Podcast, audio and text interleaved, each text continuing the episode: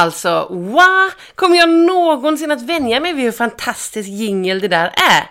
Extremt osäkert. Men hej i alla fall och välkommen till ett nytt avsnitt av Lesbisk gravidpodd. I helgen som var för ett litet tag sedan, den 26 till 28 april, så var jag på RFSLs vårkonferens i Västerås, dit jag då blivit inbjuden av regnbågsfamiljer i väntan eftersom jag är en del i deras referensgrupp mycket stolt över att få vara det. Så i detta avsnitt så kommer jag prata en del om denna konferens. Vad är detta projekt för någonting egentligen? Jag lyckades få till en intervju med barnmorskan Sofia som är en av dem som driver projektet. Jag har också ett samtal med Jenny som jag träffade på konferensen eftersom hon hon är en del i samma referensgrupp. Hon ska skaffa barn med sin flickvän genom reciprok IVF. Och detta är ett sätt att skaffa barn på som jag bara nuddade lite vid när jag pratade mer ingående om det här med olika sätt som vi kan skaffa barn på. Och vad reciprok IVF är? Ja, det kommer ni ju få höra lite mer om längre fram i avsnittet. Men vad händer då mer i detta avsnitt? Jo, den utlovade intervjun med akupunktören Dr. Jun kommer. Hon kommer prata om akupunktur versus fertilitet. Varför är det så bra med akupunktur när man vill skaffa barn? Snart så vet du. Och jag kommer också svara på dagens fråga och ge veckans tips. Ett rätt så oerhört provocerande tips, tycker jag själv i alla fall. Men ett bra. Ja, jag fortsätter ju att vara gravid här. Jag har gått in i vecka 30 nu. Och min bror föddes faktiskt i denna vecka, två och en halv månader för tidigt. Ja, det är bara två och en halv månader kvar tills mitt BF. Det är ju sjukt, jag måste förbereda mig mer. Jag ska börja i gravidyoga nästa vecka faktiskt. Och det ser jag fram emot. Bebisens rörelser kan jag nu faktiskt känna på båda sidorna av magen samtidigt. Det är precis som att han sparkar med benen och slår med armarna. Eller bara gör någon graciös liten dans. Väldigt gulligt är det i alla fall. Och det syns utanpå dessutom. Jag fortsätter ju att vara förkyld. Det är helt absurt alltså. Förkylningen den har nu lagt sig till med ett enormt lock för ena örat. Och detta lock gör ibland ont och eh, liksom tjuter. Kanske är det öroninflammation. Det har jag aldrig haft innan. Och jag hade ju heller aldrig haft bihåleinflammation innan. Och det är ju väldigt spännande att testa nya sjukdomar så här under graviditeten. Jag ringde faktiskt till 1177 för att fråga om det här verkligen är okej. Okay. Ska det vara så här? Jag tycker liksom lite väl synd om mig när det på grund av locket för örat känns som att jag hör allt i en bubbla. Att jag inte känner någon smak 98% av tiden. Att jag börjar hosta typ varje gång jag skrattar. Och att min kropp producerar så sjukt mycket snor. Det är inte vanligt att man är förkyld hela graviditeten, sa hon. Men det händer. Ja, här verkar det ha hänt. Så beware, plötsligt händer det. Utöver detta så har jag halsbränna, jag kissar ner mig när jag hostar, vilket jag ju då gör typ hela tiden, och har ont i ryggen när jag har rört mig för mycket bland annat. Men jag är gravid och det gör ju ändå detta undantagstillstånd okej okay på något sätt. Så länge det går över någon gång. Och nu så ska jag faktiskt sluta klaga och istället så tar vi och dissekerar det här. Vad hände egentligen den där helgen i Västerås?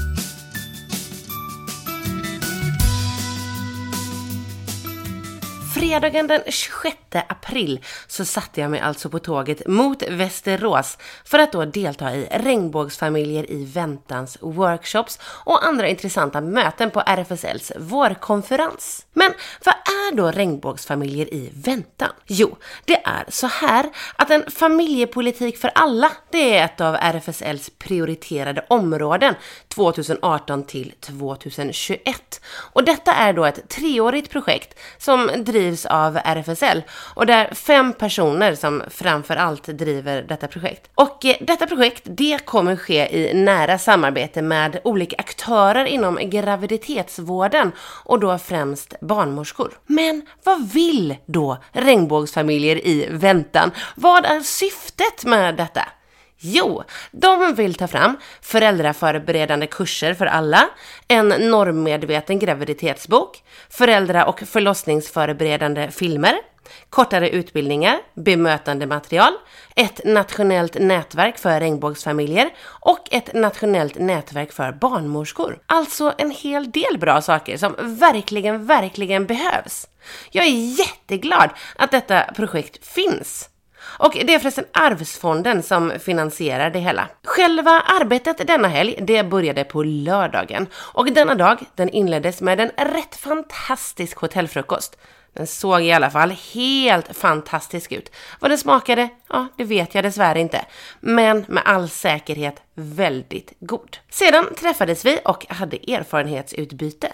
Vi gick på ett par föreläsningar, bland annat en om minoritetsstress, som var väldigt intressant och gjorde att jag liksom Mm, Fattade hur en del saker hänger ihop som jag kanske inte fattat tidigare. Och det var också en föreläsning om familjejuridik och nuvarande lagstiftningar. Vilka ändringar som har skett i lagen och så. Och det är ju väldigt bra hur lagstiftningen faktiskt har förbättrats. Men jag önskar att den kunde gälla för oss som väljer en anonym donator också. Vem vet, det kanske kommer.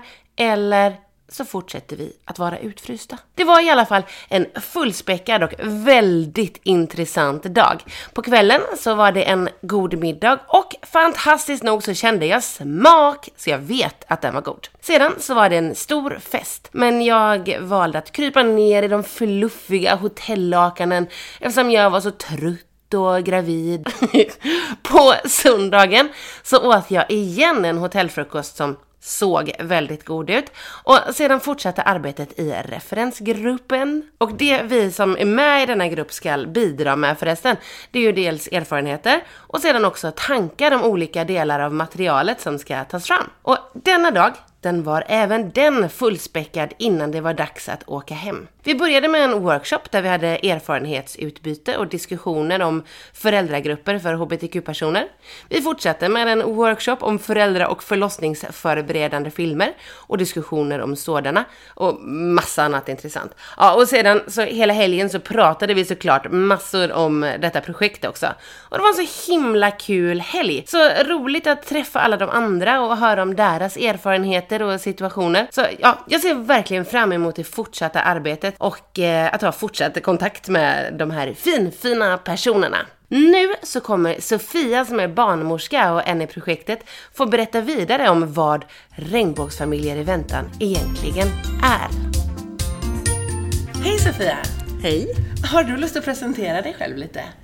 Absolut. Jag heter eh, Sofia Klittmark och är en av två barnmorskor i ett projekt på RFSL som heter Regnbågsfamiljer i väntan. Har du lust att berätta lite om eh, projektet Regnbågsfamiljer i väntan? Mm, det är ett eh, treårigt projekt som vi har startat nu, 2019, så vi kommer hålla på till slutet av eh, 2021. Och det är finansierat av Arvsfonden och vi har fått eh, ganska mycket pengar faktiskt för att arbeta under tre år med att öka förutsättningarna för att göra graviditetsvården i Sverige mer inkluderande för hbtq-personer ja. på olika sätt. Vad bra! Vilka är ni liksom som har startat detta projekt? Det är RFSL eh, som driver det, mm. men jag jobbade inte där innan det här projektet. Eh, men det gjorde Anna och Veronica som är projektledare. De kommer från att ha eh, jobbat med, i ett annat så här, föräldrastödjande projekt eh, som har handlat om regnbågsfamiljer. Och jag kommer från, eh, ja närmast innan så jobbade jag på förlossningen och eh, BB på Huddinge sjukhus. Men innan dess när jag eh, pluggade till barnmorska så gjorde jag en eh, intervjustudie med hbtq-personer som hade barn eller väntade barn och eh, kollade hur de hade haft det i eh, graviditetsvården bland annat. Mm. Och utifrån det så, så fick vi kontakt med varandra och så utvecklade vi det här projektet och sökte pengar till det tillsammans. Hur kom det sig att ni startade upp eh, det här? Ja, men Eller liksom från, ja, det, liksom? precis. Anna och Veronica som har jobbat innan då med ett, ett med ett föräldrastödjande projekt eh, som utgick från Stockholm. De har ju massa erfarenheter av att, hur det ser ut kring vården för eh, regnbågsfamiljer, att den inte är tillräckligt inkluderande. Och jag från min håll kommer eh, med den här mitt examensarbete, den här intervjustudien som jag gjorde, eh, som liksom visade på att vården är väldigt heteronormativ, cisnormativ och att det, är, det blir brister i stödet för, mm. för blivande hbtq-personer som vill ha barn. Så det var ju därför vi ville starta, eh, som vi vill göra det här. Mm. för att ja, men hitta sätt att, att uh, göra graviditetsvården mer inkluderande. Väldigt bra initiativ. Uh, hur har ni gått tillväga hittills och vad planerar ni framöver? Ja, just nu, ja du är ju med här på en träff här, så träffar vi, då har vi en eh, referensgrupp med eh, personer som hbtq-personer eh, eller som från regnbågsfamiljer har vi väl sagt. Och gärna om man har jobbat med att organisera regnbågsfamiljer. För att en del av projektet är ju att vi vill bygga upp ett nätverk för regnbågsfamiljer och eh, liksom skapa möjlighet för erfarenhetsutbyten eh, så att folk kan ta liksom, lärdom av varandra. Hur kan man göra för att skapa mötesplatser för regnbågsfamiljer och göra så att de också överlever och hur kan man engagera folk som ännu inte har barn. Och, ja, så vi skapar ett hållbart eh, sätt att eh, få regnbågsfamiljer i kontakt med varandra över hela landet. Och det är ju den här träffen ett eh, litet startskott på. Och sen så, så att en del, och det är ju liksom, en del av projektet är ju att ge föräldrastöd till regnbågsfamiljer och till hbtq-personer som eh, väntar barn. Eh, så att eh, jag och den andra barnmorskan kommer hålla i eh, föräldragrupper för väntande eh, familjer. Så den, det finns ju den delen som riktar sig direkt till regnbågsfamiljer och den andra delen handlar ju om att rikta sig till vården. Och där så vill vi ju kunna ge utbildningar eller ett bemötande material eller tips till barnmorskor som ju är den gruppen som mest träffar de som väntar barn eller under graviditeterna. Så du kommer ner på olika nivåer liksom? Ja, och då har vi tänkt lite olika sätt. Man kan jobba med filmklipp som man kan visa på ett APT till exempel så här, på arbetsplatsen eller så här. Man kan jobba med goda exempel eller med lite humor har vi tänkt också. Jobba med sociala medier och så här kanske med lite serieteckningar eller så.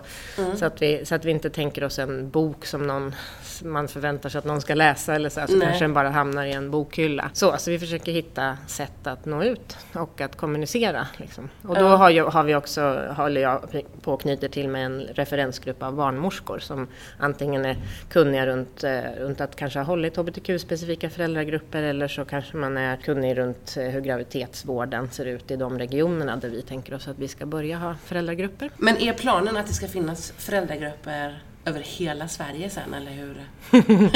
hur är målsättningen? Jag ska bara klona mig och Faye ja. först. Ingår det i ja, ja. ja. jag jobbar hårt med det. Nej, men vi är ju bara två då, som sagt, mm. så att vi kommer, ha, vi kommer börja Umeå. Med, det är vår liksom, pilotstad. Så. Uh. och där kan vi förhoppningsvis köra igång grupper redan i höst. Men sen så hoppas vi också på Örebro och eventuellt Göteborg och eh, eventuellt någon mer stad också. Och sen ska vi också utveckla en, liksom en digital grupp, eller en, mm. online, en grupp online tror jag att vi tänkte att vi ska kalla det. Mm. så att man kan gå i den gruppen oavsett var man befinner sig så länge man har en dator med internetuppkoppling. Då. Mm, men det är ju riktigt smart. Mm. Men vad har ni mött för reaktioner sedan ni startade? Jag tycker att vi har mött eh, mest positiva reaktioner kan ja. man säga. Alltså nu, nu tänk, första hand tänkte jag nu på, på barnmorskor och, eh, och då tycker jag att det är många av de barnmorskor som har, det finns så här samordningsbarnmorskor för varje region och de som vi har haft kontakt med, jag tycker att det har varit väldigt här, positivt att alla tycker att det verkar bra att vi ska göra det här och samtidigt så, så är det som att det också finns det här, men oj vi är redan så belastade, ni kan ju inte lägga mer jobb på oss och det här är kanske ingenting vi kan ta över eller göra eller fortsätta sluta med. Så, här. så där finns det ju, det är det som är mm. det som är svårt, hur det ser ut och vad det finns för resurser att överhuvudtaget ge så här, föräldraförberedelse och föräldrastöd liksom, idag inom ramen för graviditetsvården. Mm. Så det kommer ju vara något som vi behöver tänka kring. Att hur ska vi kunna lämna tillbaka det här? För tanken är ju inte att det här, det är ju bara ett projekt på tre år. Tre år går ju fort. Mm. Och sen efter det så hoppas man ju att det ska överleva och ja. Eh, det är ju det som är tanken. Så, och då måste vi hitta former för det. Mm. Mm. Vad eh, vill ni att regnbågsfamiljer i väntan ska leda till då? Vad är liksom målet med allt? Ja, jag hoppas ju att, eller vi hoppas ju på dels att eh, en starkare organisering av regnbågsfamiljer, att mer regnbågsfamiljer i landet ska få kontakter med varandra, att det ska bli mer mötesplatser och att man också kan använda RFSL och det här nätverket RFSL regnbågsfamiljer som en bra liksom, sammanlänkande grund för de här aktiviteterna och att man kan, ja, så att vi får syn på varandra och kan få liksom, kontakt och, och då också möjligheter att eh, prata med varandra om det vi behöver prata om kring att vi har familjer som är normbrytande. Det är ju en del och sen så under de här åren så hoppas vi ju kunna ge eh, trygga forum för blivande föräldrar att kunna diskutera och hantera de frågor som man kan behöva tänka på när man skaffar barn som eh, hbtq person. Och sen så kan vi ju inte styra, sen hoppas vi ju kunna få lämna över det, lämna tillbaka det liksom. Den här, ge det som en present till ja. graviditetsvården kan man säga.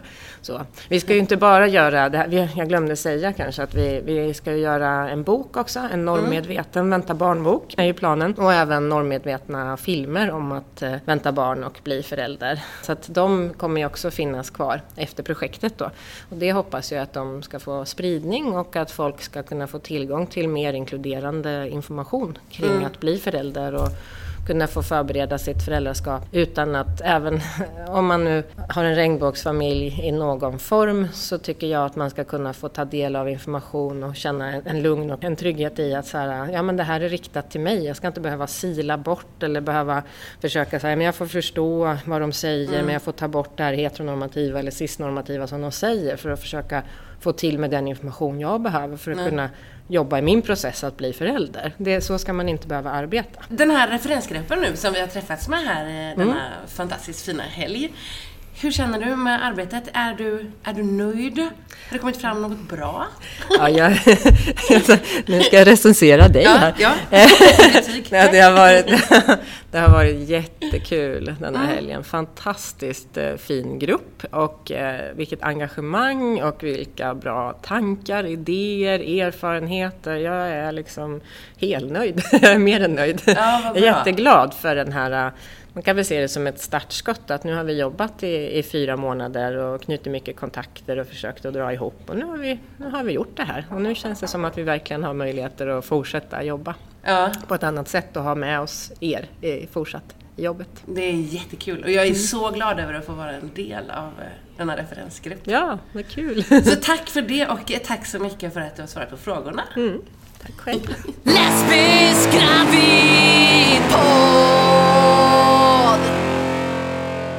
Jag tänkte att jag skulle ta och berätta en liten anekdot från mitt arbetsliv.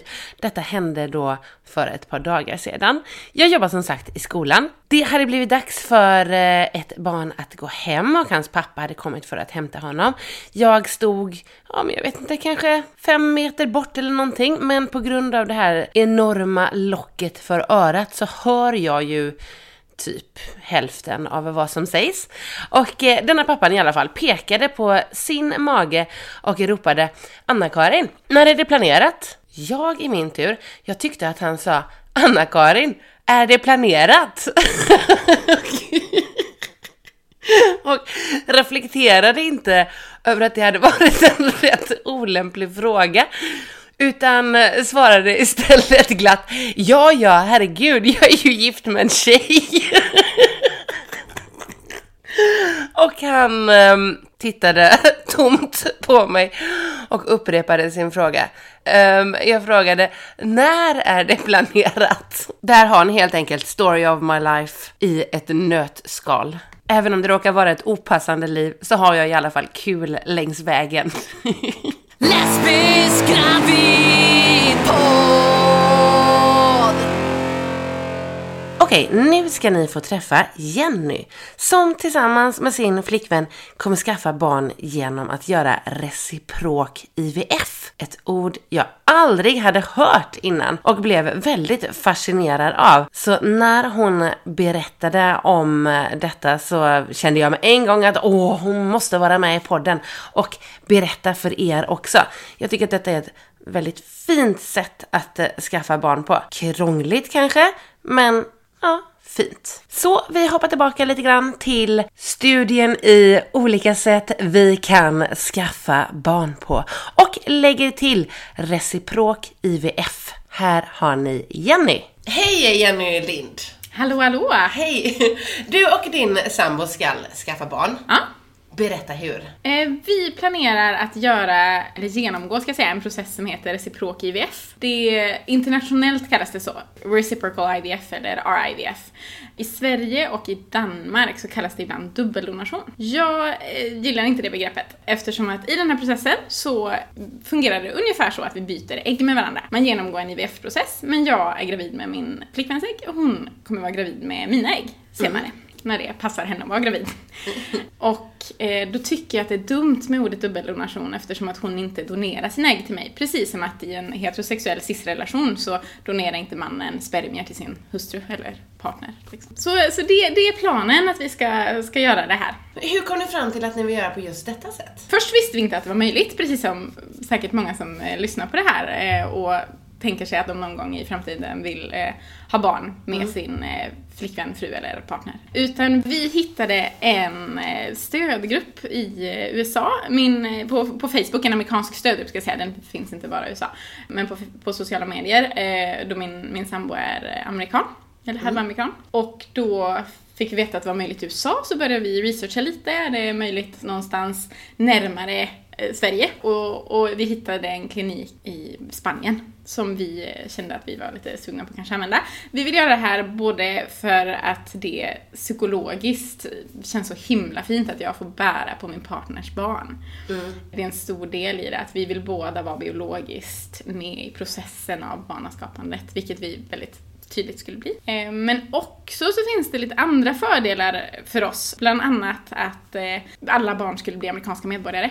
För att min eh, blivande fru då måste vara antingen biologisk eller bärande mamma för att barnen ska få amerikanskt medborgarskap. Ah, okej. Så om vi skulle använda våra egna ägg så skulle bara hon, bara de barn som hon bär bli eh, amerikanska medborgare och inte mina. Och då sa hon att då vill hon hellre att inget barn får amerikanskt medborgarskap. Men vi ser en fördel i att de får det. Och då, då är det här också en lösning på det. Smart. Ja, det finns eh, mycket smarta grejer med det här. Eh, vi planerar också att båda ska amma, vilket vi heller inte visste var en möjlighet eh, för kvinnor som inte har, har burit barn. Men det är det, man kan sätta igång mjölkproduktionen då och, och så kan båda dela på amningen. Mm, och just det, men det har jag hört lite om. Ja. Hur, det, det är någon medicin man tar? Eh, man kan hur- ta, ta eh, tabletter som sätter igång eh, hormonerna för mjölkproduktion eh, och så måste man ofta pumpa för att få igång det. Men det finns vissa utsagor, jag ska inte säga att jag har så himla bra koll på hur vetenskapligt bevisat det är, men det finns vissa utsagor om att det har satt, satts igång av sig självt när barnet är fött. Kan det starta för, för kvinnan som inte har burit barnet. Men jag som sagt, jag ska inte lova att det är vetenskapligt bevisat att det funkar så, men jag vet att det funkar om man tar eh, eh, hormonstimulering. Och jag vet fall där det, man har gjort så om eh, det har varit ett heterosexuellt par där ena partnern är transman eh, och bär, bär barnet och då kan den eh, icke-bärande mamman då eh, amma. Så Ah, ja, bär ja. eh, pappan eh, barnet och eh, mamman ammar. Ja. Jag vet jag har skett så att det, det funkar. Det är häftigt. Ja, ja, verkligen. Men hur är det, kan ni få... Nej, det, ni kan inte få denna behandling i Sverige. Eh, det kan vi. Eh, Ja. Nu efter årsskiftet. Det skedde en lagändring nu i 2000, december 2018 liksom, mot 2019. Ja, Första januari började den gälla. Och då blir det lagligt med så kallad dubbeldonation i Sverige, alltså donerade spermier och donerade äggceller. Men det är lite oklart hur eh, lagen kommer appliceras på par som inte har eh, graviditetsproblematik eftersom att vi, vi antar nu att båda, båda vi kan bli gravida utan att behöva genomgå en sån här behandling. Att vi har fungerande livmödrar och fungerande eh, äggceller. Och det, ja, det är lite tri- trixigt sådär om det lagligt kom, om vi kommer omfattas av den lagen. Men eh, vi vill ändå inte genomföra den här proceduren i Sverige för att i Sverige så får man inte välja donator. Och det är viktigt för oss, vi vill välja donator. Ja, ja. Eh, och då måste vi vända oss utomlands. Mm. Så vilken väg kommer ni att gå? Så, så som vi eh, har, den research vi har gjort, Ja. så har vi kommit fram till att det är lagligt i Sverige och Danmark med medicinska skäl, och nu i Sverige väldigt nyligen. Och sen i Ryssland, Storbritannien, Spanien och Island. Och först så, så valde vi, och, och USA då såklart. Men vi valde bort USA och Storbritannien ganska snabbt för där är det ganska mycket högre priser, ganska Ah. tydligt. Eh, högre priser. Och vi kommer ändå måste, utöver den här processen av att plocka ut äggen för oss båda och frysa ner dem och, och betala för spermier och, och sen betala för själva implanteringen av, av embryot, så eh, måste vi också betala för resa och boende och man måste vara där en längre tid utifall att man inte kan plocka ut äggen samma dag och man måste vänta någon dag eller sådär. Eh, Så, så måste man vara där under, under en period. Så vi räknar med ungefär 100 000 per barn. Ja. Ehm, ja, och då, och då är det, har vi valt de billigare länderna som då är eh, Spanien och Island där det kostar ungefär kring 50 000 svenska kronor för själva processen för en kvinna på ett försök, men då kan det också ta flera försök innan det sätter sig. Eh, Och så måste man resa dit åtminstone två gånger. Vi, vi tittar på Island just nu också för att eh, på, i Reykjavik så har de en klinik som heter Livio och den finns också i Sverige. Och då hjälper de svenska klinikerna till med de förberedande hormonbehandlingarna och så. För, eh, för att äggen ska, ska mogna och sådär. Och så åker man sen till Island och plockar ut dem. Ja men vad bra. Men, men det, kan det bli finansierat från Sverige på något sätt? Det verkar det inte så. Det, det är inte så troligt. Om, kanske om vi hade haft, eh, som sagt, eh, graviditetsproblematik. Men eftersom att vi antar att vi inte har det så får vi nog betala ur egen ficka. Mm. Vilket är jättetråkigt, för då blir ju den här processen en klassfråga. Ja. Eh, men, men så ser det ut i dagsläget. Så vi, vi väntar med att köpa hus och vi Mm. sparar inte till insats till hus just nu, utan just nu sparar vi till bröllop och barn. Ja. Åh. Men har ni funderat lite på att eh, liksom skaffa barn samtidigt? När ni ändå ska genomgå samma... Nej. Nej, Nej. Eh, mest av eh, praktiska skäl. Att jag tror att det hade varit ganska opraktiskt att båda var gravida samtidigt. Ja, ja. Eh, Jag menar såklart bli gravida samtidigt, inte skaffa barn. Ja, ja, ja, det gör vi ju ändå. Precis. Ja. Jag, jag förstod vad du menar där. Nej, men eh, bara att om jag behöver hjälp med att någon ska knyta på mig skorna så kan inte hon göra det för då är hon Nej. också gravid. Eh, så det passar inte. Men också för att hon kommer vara ganska nyexaminerad när vi förhoppningsvis får barn. Ja. Eh, och, och då passar det inte för henne karriärsmässigt och ekonomimässigt att båda är hemma samtidigt. Då börjar vi med mig och jag är också eh, fyra år äldre. Så då passar det också bättre. Så spännande! Jag ser så fram emot att ja, men, höra mer om hur det går. Vet du hur vanligt det är att skaffa barn på det här sättet? Att liksom bära sin partners eh, ägg? Det blir blir mer och mer vanligt. Jag vet inte exakt hur vanligt det är. Jag vet att det är lika vanligt att eh, eh det blir ett barn av eh, reciprok IVF som eh, vanlig IVF, eh, vet jag. Men jag, jag vet att det ökar i vanlighet också med att det ökar i till, tillgänglighet och medvetenhet om att det är möjligt att Ja. göra på det här sättet. Nu eh, sågs ju vi här på denna konferens, Mm. för att vi är med i samma referensgrupp, eh, Regnbågsfamiljer i väntan. Vad tycker du om eh, konferensen hittills? Jättespännande. Framförallt så hade vi en föreläsning eh, tidigare under dagen som handlade om minoritetsstress som eh, tilltalade mig väldigt mycket. Eh, Så att jag älskar att träffa andra blivande eller redan hbtq-föräldrar och regnbågsföräldrar och jag eh, älskar att träffa andra hbtq-personer generellt. Man känner sig så i sitt sammanhang tycker jag. Kan lätt identifiera sig med de man träffar och man kan dela erfarenheter eh, och om man inte delar erfarenheter så lär man sig så himla mycket om, om andra människor. Vilket är, är jättespännande. Ja, jag håller med. Och det var en jättebra föreläsning. Ja. Tack så hemskt mycket.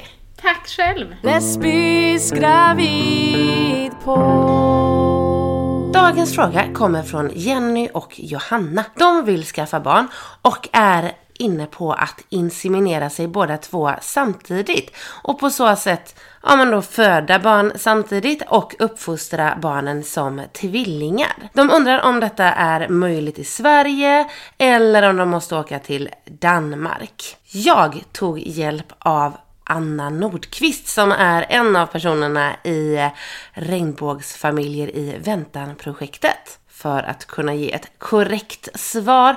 Och Anna säger så här. Nej, enligt reglerna får båda inte inseminera samtidigt om man är ett par. I Sverige då alltså. Jag gick vidare i frågeställningen och eh, frågade men om de ställer sig som ensamstående båda två i kön, skulle det vara möjligt då? Och eh, det, ja, man behöver ju vara ensamstående, det vill säga bo själv för att räknas eh, som ensamstående, sa Anna också. Och eh, insemineras båda två som ensamstående och sedan inte fortsätter vara ensamstående så behöver den som inte fött barnet närstående adoptera om de då vill bli en familj på pappret sedan igen. Så tack så mycket Anna för hjälpen med svaret. Nu kommer mina spekulationer i det hela. Eh, I Danmark så är ju detta såklart okej, okay, för där ja, där bestämmer ni ju själva hur ni vill lägga upp det. Men rent spontant så känner jag att, eh, nu ska inte jag hålla på att lägga mig i så himla mycket, men det blir så lätt en sjuk stress runt det här med att skaffa barn. Bara det att min ägglossning fuckades upp helt när, jag, när vi började försöka. För att försöka bli gravida samtidigt tror jag kan ja, men vara en enorm stress. Och så blir det ju konstigt om den ena blir gravid, ha, ska ni vara glada då eller ska ni fortsätta försöka hetsigt för att den andra ska bli gravid samtidigt så att de nästan blir tvillingar? Ja, jag vet inte. Som sagt, det här är ju bara mina spekulationer. Jag fattar inte varför jag ska hålla på och lägga mig i så. Men eh, det är ju en liten baksida av det hela bara som man kan ha i åtanke. Jag hoppas att det var svar nog på er fråga och lycka till med vilket sätt ni än väljer. Akupunktur är ju en del av TCM, alltså Traditional Chinese Medicine, och har funnits och använts i årtusenden. Och akupunktur, det används ja, men för typ allt. Och det handlar om att eh, fixa en balans i kroppens system. Akupunktur det används även för fertiliteten. Och nu tänker jag att det får Dr. Jun från Ren Akupunktur i Göteborg berätta mer om nu. Nu sitter jag här på Ren Akupunktur och ska prata lite grann med Dr. Jun. Tack så hemskt mycket för att du vill vara med på den. Tack för att du kommer. jag börjar med en gång här. Hur hänger fertilitet och graviditet ihop med akupunktur? Ja, det är en bra fråga. Ja. och det första kanske man ska tänka, hur kan akupunktur påverka kroppen? Mm. Och då vet man hur den kan hänga ihop med fertiliteten. Eh, för vad, um, vad akupunktur kan göra för det första, det är ju man kan ju få en väldigt bra av eh, avstressande effekten. Man blir väldigt lugn. Eh, man likadant vila en halvtimme, 45 minuter med nålarna på olika ställen så kroppen kommer till en, nästan som en medit meditativt tillstånd. Så det är väldigt bra att man får den stunden kroppen kan slappna av. Mm. Eh, och, eh, och sen kan det, det beror lite på på vilket sätt man jobbar med akupunktur självklart. Så det kan ju öka blodcirkulationen. Eh, och speciellt om man väljer punkten som har kopplat till reproduktionsområden. Eh, och så det kan öka blodgenomströmning i livmodern, absolut. Så det mm. kan påverka slemhinnors tjockleken. Det kan också påverka eh, stabiliteten med, med slemhinnor. Så det, mm. allt detta är ju viktigt för fertiliteten. Men om man ser vad akupunktur kan göra för kroppen så kan man se också därför den kan eh, vara till bra hjälp i mm. fertilitetsfråga. Men hur länge har akupunktur använts för att förbättra fertilitet? Oj, för att förbättra fertiliteten och det har egentligen använts hela tiden sen, eh, ja, sen akupunktur kanske funnits i Kina, det har funnits flera tusen år. Och det här med eh, fertiliteten har varit, alltid varit en viktig eh, fråga inom kinesisk medicin. Uh. Men den var inte känd här eh, i västvärlden bara. Och så för i Kina, det har alltid varit viktigt att på grund av hur samhället byggt och hur människor levde sitt liv. Och det är viktigt att man får barn mm. och för att barn kan hjälpa till och, ta hand om när man blir äldre. Så det har alltid varit en jätteviktig fråga att uh, man, måste, man vill ha barn. Uh. Och så det, så, så det här med fertiliteten, det har alltid varit en väldigt viktig fråga eh, inom kinesisk medicin.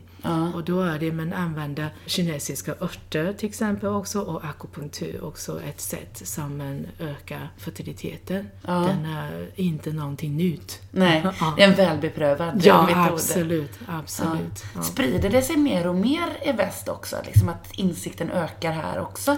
Absolut, absolut. När jag kom till Sverige för 25 år sedan, 25-26 år sedan, och då människor sökte mig mest för smärtan, för ont i lederna eller ont i magen och, och då var det ingen som sökte för fertiliteten. Nej. Och men nu, jag tror det för 15 år sedan, så började det att folk började, jag tror de, det började i Sverige var det någon som eh, gjorde någon forskning, eh, någon barnmorska på Sahlgrenska tror jag, har gjort någon forskning eh, om akupunktur och eh, fertiliteten. Och så efter det så har det blivit mer. Och sen, ja, sen är det mera forskning som drivits i andra länder, i USA till exempel.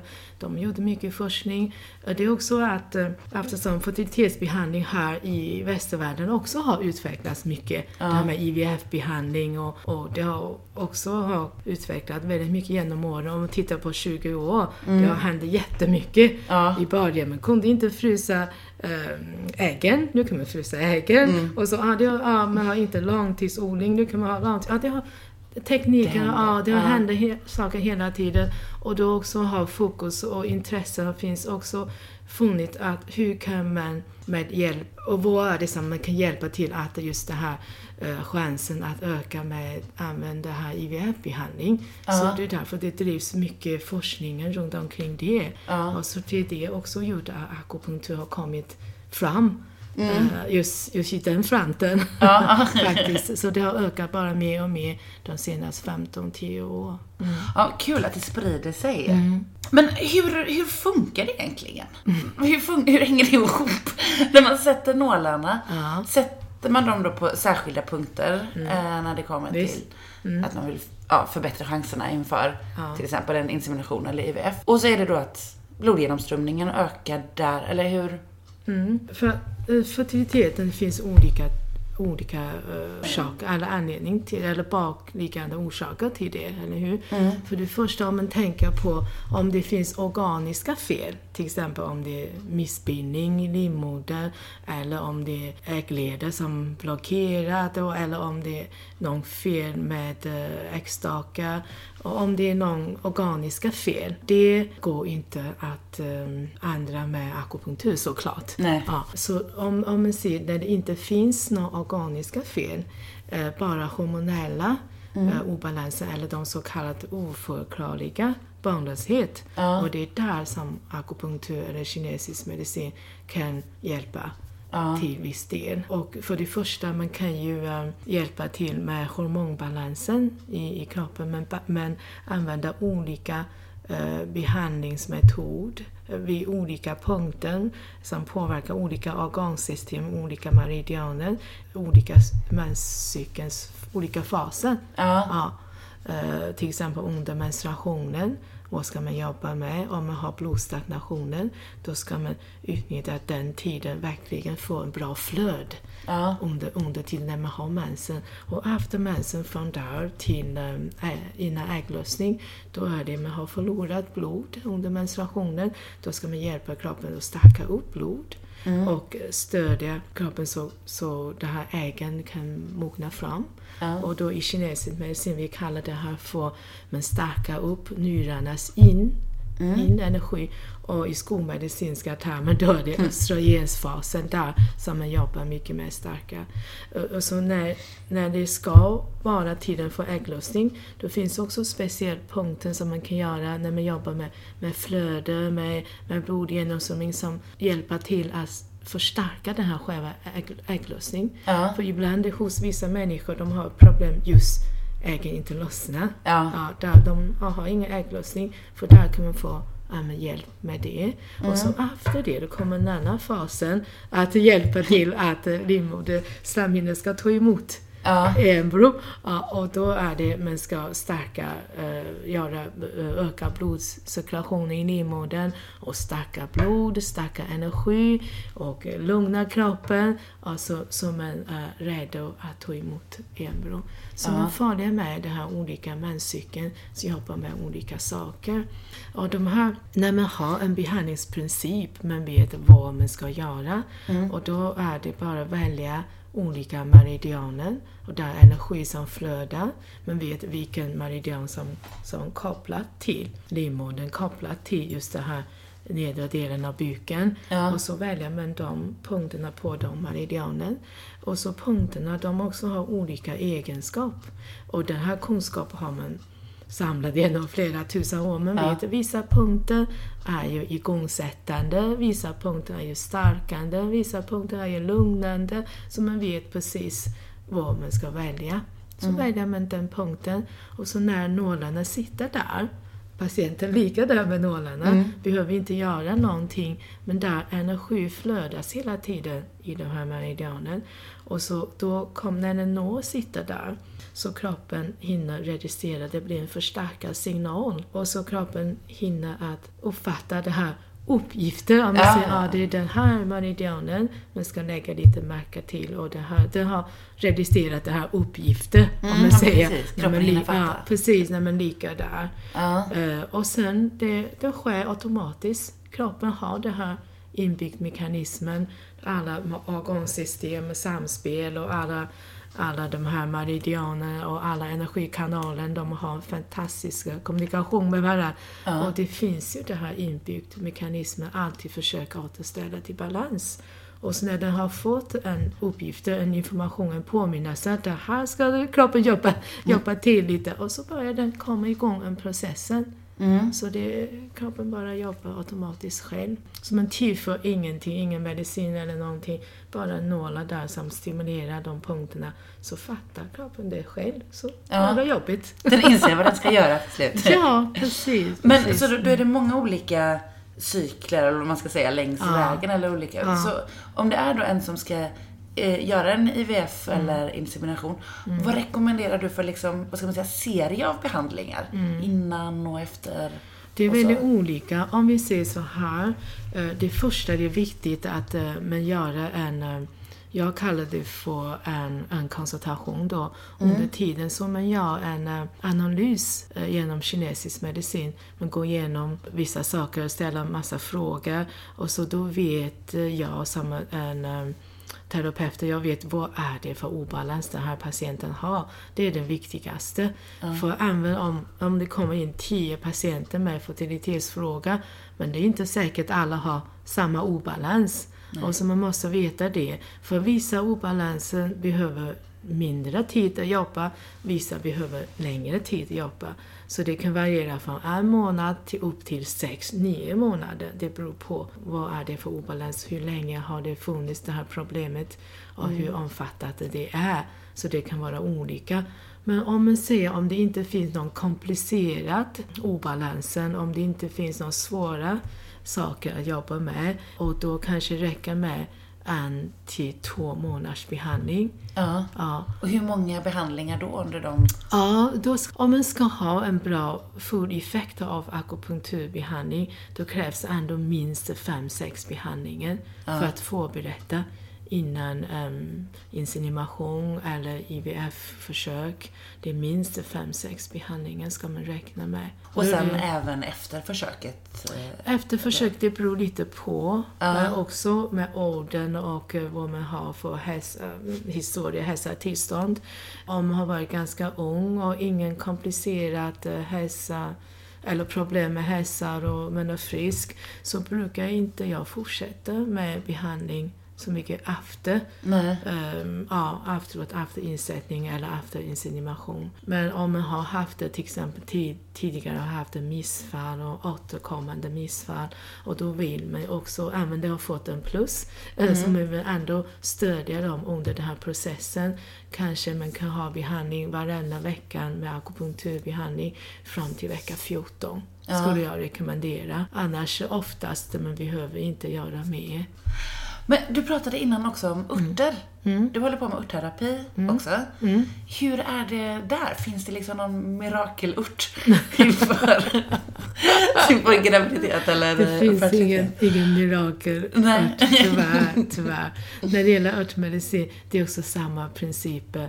Det är ju, visst det finns det ju färdigt formulär som man har använt recept, om man säger. Man har använt klassiska recept, man har använt många, många år. Välbeprovat, man vet vad de har för effekter. Men det återigen, det är ju, eh, det beror på vad obalansen är, vad man behöver ha hjälp. Det finns olika ört formulär som kan passa. Men det finns inte någon mirakelkur Nej. eller sånt. Nej, jag förstår det. Men det, skulle vara kul! det skulle vara jättebra ju. Men det finns i alla fall någon mix som kan Ja, säga, Örtblandning, absolut. hjälpa till fertilitet. absolut, absolut. Då har jag ju en liten sista fråga bara. Vad kostar en akupunkturbehandling? Det kostar 700 kronor varje behandling. Ja. Ja, och det här konsultation eh, kostar 900. Och det en behandling, vad är 45 minuter, en timme? Ja, från 45 minuter till en timme, ibland en timme och en kvart. Tack så hemskt mycket för att du har svarat på mina frågor. Så lite så. Veckans tips. Veckans tips är så hemskt provocerande och svårt, men det är också dessvärre det bästa tipset jag antagligen kommer att ge. Och tro mig, jag kommer fortsätta ge tips på olika vitaminer och mineraler och olika grejer som kan förbättra chanserna att bli gravid. Detta tips, det handlar också om att förbättra chanserna att bli gravid. Och håll i hatten, här kommer det! Ta det lugnt. Fortsätt livet som vanligt. Anpassa inte hela livet runt det här med att ni eller du försöker skaffa barn. Utan lev som vanligt. Och var lugn. Gud, så svårt! Alltså jag blir typ arg bara jag säger de här sakerna. Jag hade blivit arg om någon sa det här till mig, vilket jag tror att någon faktiskt gjorde också. Men till exempel, Snusar du? Fortsätt snusa. Utsätt inte kroppen för den här stora stressen med att försöka sluta ett par eh, veckor innan det är dags för eh, till exempel insemination. Dricker du något glas vin då och då? Ja, men fortsätt göra det med för att inte kroppen bara ska reagera på Jaha, vad händer? Vad händer? Varför eh, får jag inte mitt vin? Nej, så kanske inte kroppen reagerar. Men i alla fall bara för att ha normen liksom av ett eh, vanligt liv. Meditera så eh, kroppen och sinnet håller sig lite lugnt. Yoga gärna. Men som sagt, börja liksom inte yoga och meditera helt superhetsigt om du aldrig har gjort det innan. För då blir det ju också en jättestor eh, förändring. Jag åt ju olika vitaminer, mineraler och gjorde olika saker innan inseminationsförsöken som vi gick igenom. Inför det sjätte försöket, ja, då var jag som jag redan har sagt lite luttrad liksom. Jag hade gett upp, men ja, jag, jag trodde ändå att det skulle funka den här gången, men jag hade någonstans gett upp ändå. Vilket gjorde då att jag, ja men inte anpassade allting runt det här, utan jag levde faktiskt på som, ja men som jag skulle gjort om jag inte skulle ha inseminerats. Och det funkade ju! Nu behöver ju inte bara jag vara en form av lyckoexempel här, utan jag tror att det bästa helt enkelt är att bara försöka ta det lugnt. Förlåt för detta tips, men det är ett bra tips. Lesbisk gravidpodd. Det här var vad Lesbisk gravidpodd hade att bjuda på idag.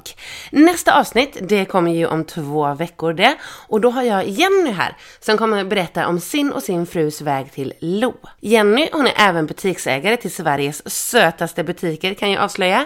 Men samtalet, det handlade alltså om deras långa väg till barn. Och jag som tyckte att våra sex inseminationer tog tusen år ligger här i lä. Men det får ni höra mer om i nästa avsnitt. Nu på söndag den 5 maj så är det regnbågsfamiljernas dag. Och det var ju typiskt att jag inte sa det i förra avsnittet utan att det, ja, nu då kommer efter att det har varit. Men det är ju också bara ytterligare en anledning till att följa Lesbisk gravidpodd på Instagram. För där har det sagts i tid. Det är första året som regnbågsfamiljernas dag får en större uppmärksamhet i Sverige och förhoppningsvis så växer växer sig dagen bara starkare härifrån. För det är ju klart att vi ska ha en egen dag och fira den rejält. Själv så tänker jag nog fira genom att glittra in magen och hångla med min fru i ett bad med minidelfiner och körsbärsblomster. Eller något sånt. Kommande vecka så ska jag som sagt börja på gravidyoga och det ska ju bli väldigt intressant. Jag kommer såklart att prata mer om detta när jag väl har börjat. Och dessvärre så ska jag även ta ett blodprov nästa vecka. Och inte ett sånt som jag kan ta i örat och låtsas att jag tar hål i örat. Men äh, ja, det ska inte bli så kul. Men tillväxten på magen ska också kontrolleras alltså och så för att det är ett barnmorskebesök alltså. Och eh, ja, det blir ju intressant i alla fall. Ja, ja, vi hörs om två veckor igen.